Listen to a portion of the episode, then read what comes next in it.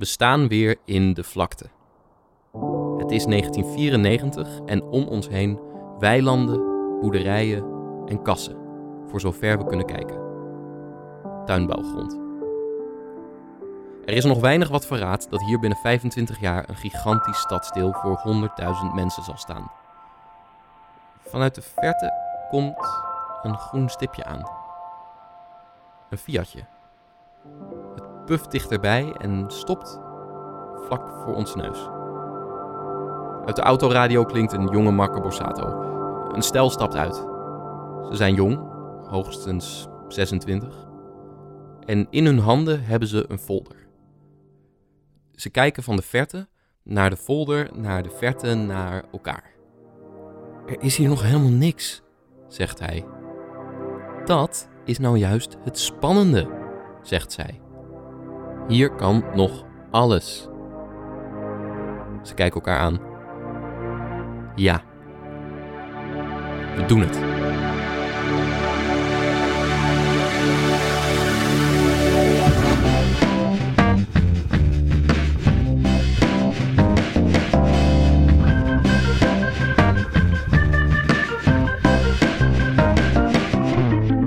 Wij zijn de Transmissie en Mathieu Weideven. Toen wij voor het eerst van Leidse Rijn hoorden, werd ons de stad van de toekomst beloofd.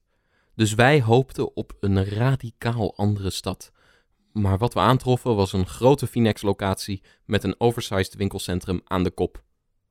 Toch horen we bijna alleen positieve geluiden over wonen in Leidse Rijn. Dus waar zit dat hem in? Wat is de stad waar je nooit dacht te gaan wonen? We besluiten te praten met mensen die als eerste de potentie van de stad van de toekomst zagen. Die de gok hebben gewaagd toen er echt nog niks anders was dan sloten, bouwputten en harde wind. Ja, wij woonden eigenlijk toen al, wij woonden al heel lang in Utrecht, echt al jaren. En uh, voordat wij hier naartoe gingen, woonden wij in Lombok. En Femke en Marten, die waren zes toen ze dus uh, zelf eigenlijk een beetje mochten gaan buitenspelen en ook zelf konden fietsen. Dus we wilden ook ze eigenlijk leren zelf op de fiets naar school te gaan. Maar dat was gewoon veel te gevaarlijk. De Vleutseweg was toen nog heel druk. Geen busbaan in het midden, maar gewoon alles reed daar door elkaar heen. En uh, ik weet nog heel goed dat Femke, uh, ik over de Bilitonkade, nou al die kleine klinkertjes, dat Femke zei van ik doe het gewoon niet meer. Ik zet mijn fiets, ik, ik loop wel. Die wilde, durfde het gewoon niet. Toen dacht ik, ja, dat is gewoon te gevaarlijk als je kind niet zelf durft te fietsen dan, moeten we hier, dan moet je toch iets anders doen. Dus toen, uh, maar uh, toen zei Johan van, uh, ja, ze gaan echt iets moois bouwen aan de andere kant van het Amsterdam-Rijnkanaal, de andere kant van de Gele Brug. Ik denk, nou, dat, dat, uh, dat, is veel te ver. We zitten met Marieke, dochter Marte en zus Jantien aan de keukentafel van hun huis in Terweide, een deel van Leidse Rijn. Marieke, haar man en kinderen zijn hier 17 jaar geleden komen wonen. Hun huis ligt nu gewoon in een buurt. Maar geen van dat alles was er toen ze er kwamen wonen. Toen waren ze een van de eerste die de sprong waagden. Soms maak je keuzes die na afloop heel logisch lijken, maar in het moment was dat nog helemaal niet zo. Wij een beetje kijken naar Zeist en uh, Beeldhoven. En... Maar ja, dat was allemaal, uh, dat was het niet. Dus toen toch maar uh, met zo'n folder, informatieavond en... Um, nou, dat was helemaal nog niet zo slecht. Want er waren, eh, wat ik, Chantal en Rudy waren bijvoorbeeld op die avond, er waren best wel leuke lui. Die ook allemaal uit de stad kwamen, uit Zuilen en, en uit Nieuw-Engeland. En wij dachten, ja, dat is eigenlijk best wel leuke mensen gaan daar toch wonen. En kan je nog iets omschrijven van die beginjaren? Ja, hoe dat hier was? was hier, voor, hier voor het huis, dat was nog helemaal niks. Dat was gewoon één grote zandheuvel. Dat weet ja, je ook nog wel. Zeker. Uh, dat was allemaal zand. Die, alleen de straat aan de overkant was er. En voor de rest was het zand en, um, en was niks. Ja, het was zeker saai. Vooral in het begin, toen ik hier kwam wonen, kan, kan ik me nog goed herinneren. Dit is Moenim. Ook hij is een van de vroege Leidse Reiners. We spreken hem in Raum. Dat is een culturele broedplek bij Leidse Rijn Centrum. Ik ben natuurlijk nog wel iets ouder, maar toen was ik nog, uh, nog vrij jong. Ben ik nog echt, uh, nou, ik ben echt op zoek gegaan naar waar is hier de dichtstbijzijnde kroeg. Nou, dan kwam je dus in uh, de Oude Meren terecht, want in de wijk zelf was echt helemaal niks. Nou, het Oude Meren waren twee uh, kroegen. Ik kom, kom, zelf oorspronkelijk uit Rotterdam, tenminste daar ben ik getogen. Mijn vrouw die komt uit de buurt van Arnhem, Huus om precies te zijn. En als je dan een lineaal pakt, dan kom je in Utrecht ergens in het midden uit. ook voor mijn werk was dat ook wel een stuk handiger. Toen ingeschreven op een projectplan en zodoende zijn we weer terechtgekomen als we gingen buiten spelen, dan groeven we echt ja, over de heuvels heen. En een beetje, dat weet ik gewoon allemaal nog, dat we daarmee aan het spelen waren en zo. En uh, dat we gewoon, bijvoorbeeld voor een kinderfeestje deden we dan een speurtocht door de hele wijk heen. Wat echt een soort van sloten speurtocht was. Dus we liepen echt over van die grote buizen. En oh, ja. het was echt oh, bizar. Was en vooral uh, waar de wall was, dat was echt het meest, meest indrukwekkende. Want dat was gewoon één enorme heuvel. Waar je echt alsof we een soort van aan het klimmen waren over die heuvel. En dan had je echt zo'n overzicht over de hele snelweg en, en zo. konden we heel goed sleeën daar. Ja. Want dat was toen allemaal nog gewoon... Uh, super ja. ja. Het, het, is heel gek om, om dat dan door langzaam een beetje zien te veranderen. Dat er dan boompjes werden geplant en dat er klinkertjes werden neergezet en zo. Maar en ik weet zelfs nog, als je het zeg maar hebt over een soort beeld van de stad die opgroeit, van dat ik uit mijn kamerraam de dom heel goed kon zien. En dat vond ik heel belangrijk of zo. Dat ik, oh, dat is de dom, die wil ik bekijken. Maar dat langzaam, dat ik die niet meer kon zien door al die gebouwen die er zo bij kwamen. Dus Dat, en dat ik dat wel jammer vond. Ja. Dat soort dingen, ja, dat weet ik ook nog wel. Ja.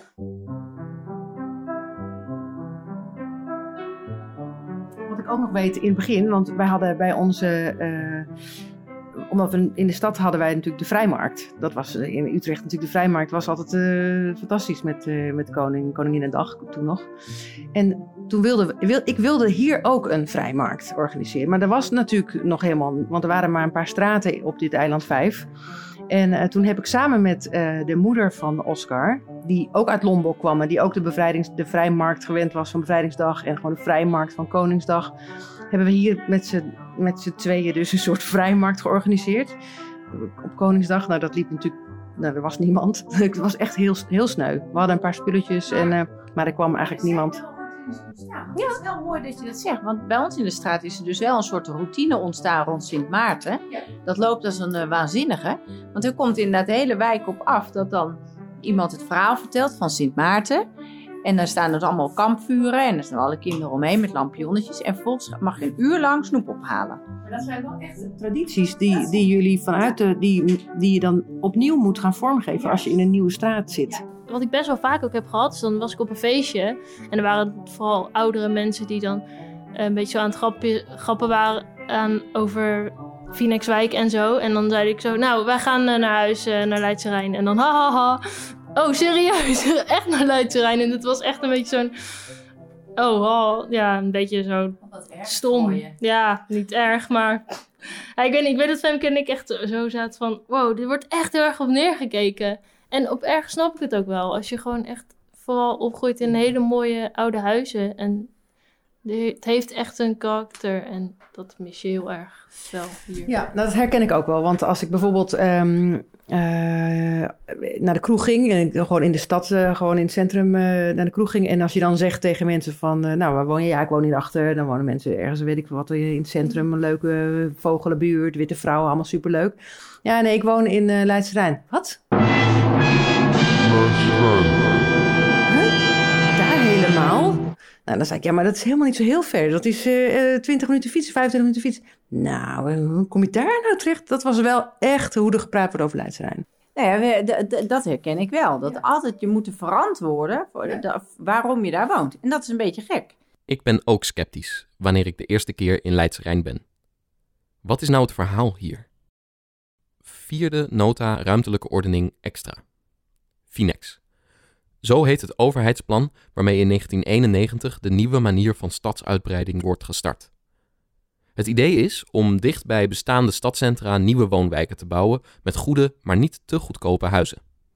Zo zullen er niet meer arme randwijken bij steden ontstaan, maar juist de iets meer verdienende mensen zullen naar de Finex-locaties trekken en toch het gevoel hebben bij de stad te horen. En zo zijn er over heel Nederland ontiegelijk veel nieuwe woonwijken gebouwd. Het is een beetje een soort dorpje eigenlijk. Maar wel met veel dezelfde soort mensen. Dat is wel een beetje gek aan dorp. Wat voor soort mensen zijn dat dan? Barry Atma. nee, oh, dit moet je niet zeggen. Dit moet je er echt uitknippen. Nee, het is grappig, want we horen ook al vaker van mensen... Ja, ja, en weet je dat Barry Atma hier ook woont? een soort trots van Leidse Rijn. Ja, dat is het. Omdat hij daar woont. Dat zegt iets over de status. Ja, ja. Dat het eigenlijk super cool is. Zo. Hmm. Leidse Rijn. Nou ja, het Leidse Rijn is de... de nee, ik moet even nadenken. Ik moet even een paar keer ga ik staan. De, nou ja, Leidse is voor mij in ieder geval de wijk waarin, uh, of de plek waar mijn kinderen zijn geboren, waar ze groot zijn geworden en waar ze hun wortels hebben geschoten. De plek waar ik geen wortels heb, maar wel inmiddels ook geaard ben en ook niet meer weg zou willen gaan. Misschien, heel misschien nog wel een keer terug naar Rotterdam. Maar dat is omdat ik daar weer mijn wortels heb. Maar mijn kinderen zou ik bijvoorbeeld nooit meer meekrijgen. Mijn kinderen vinden het hier echt geweldig. Uh, die zitten hier op school. Uh, zijn inmiddels uh, eh, 16 en 14 uh, bijna. Dus, dus ja, dit, voor mij is het de, de plek waar ik, nou, nou, goed, waar, mijn, waar mijn geluk zich bevindt. Mooi. Ja. Okay. Positief? Ja, Heel positief. Zeker positief, ja, absoluut. Nee, ik, ik hou van deze wijk. Ik hou echt wel van deze wijk. Ik, dat merk ik wel heel erg in Utrecht. Er is een heel erg een soort ja, perceptie van over de brug, noem ik het maar even. Enerzijds dat Leidsterrein heel ver weg is. En dat het een gedrocht is met alleen maar betonnen lelijke gebouwen. Een Almere 2.0. Uh, eh, nou, dat is dus gewoon echt niet zo.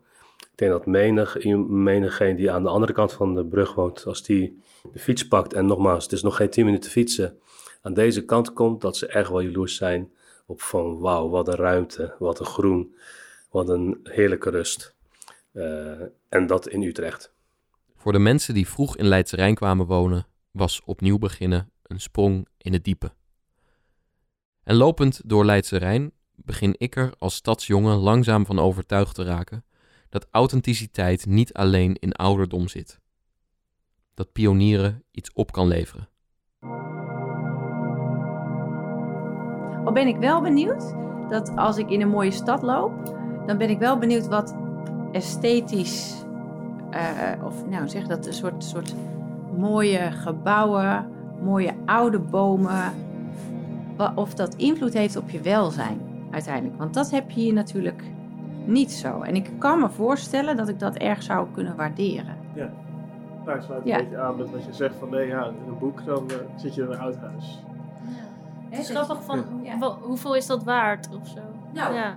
Nou, als je dan misschien met een gezinnen-kosten-batenanalyse maakt, dan denk je, ja, nee, heb ik een pragmatische keuze. We kiezen even voor Leidse Rijn.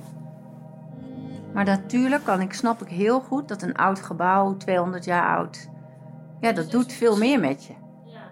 Maar het is ook wel zo dat als je opgroeit, heb je dat zelfs niet door. Dus ik vond het ook gewoon eigenlijk normaal of zo dat er nooit iemand in ons huis heeft gewoond.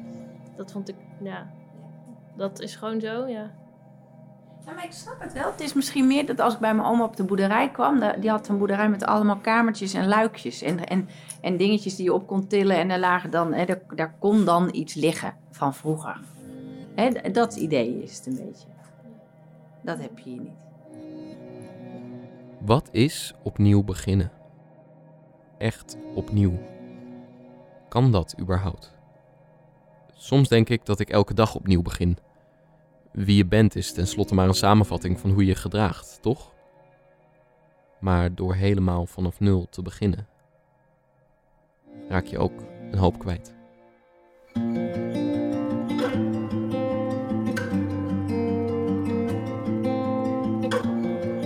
Te koop, plek nog zonder wortels, maar met stenen, met deurtjes, met gaten waar een lijst in zit waardoor je het schilderijtje van je buren ziet.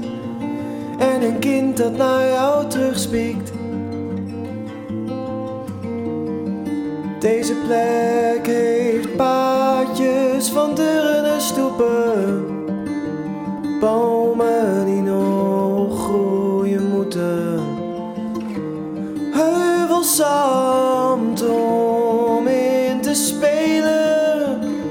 Japanse hoven, vlinderkastelen.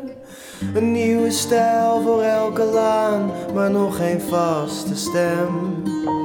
Ook geen bruin café.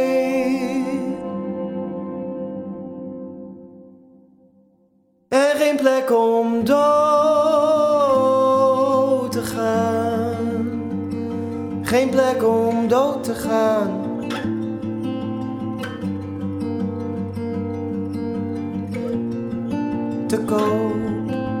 Plek voor alle gevallen die ook niet dachten hier neer te vallen. Verkenners op een onbekende zee. Vaar een eindje met ze mee. Deze plek heeft autobranden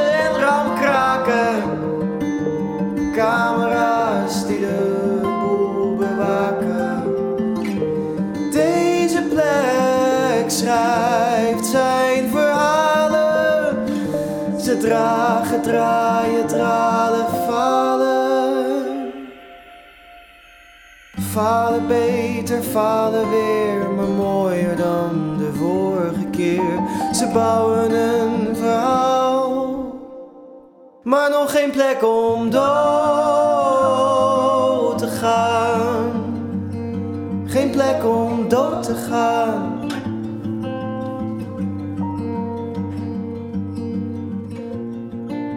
Gewoon een plek die ooit weer verdwijnt en langzaam in de grond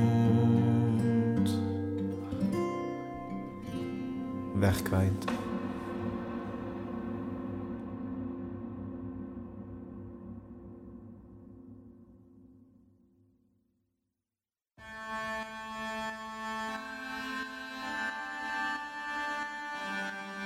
Volgende keer in de stad waar je nooit dacht te gaan wonen.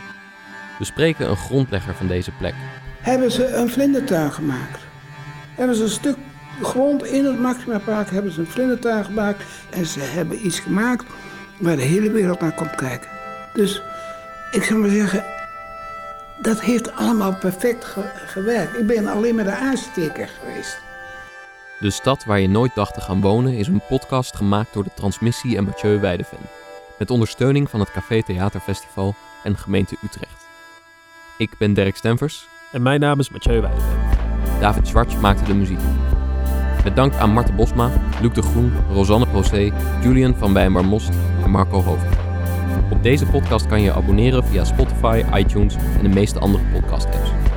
Je kan ons vinden op detransmissie.nl, Facebook en Instagram. En meer informatie over het Café Theaterfestival vind je op cafetheaterfestival.nl.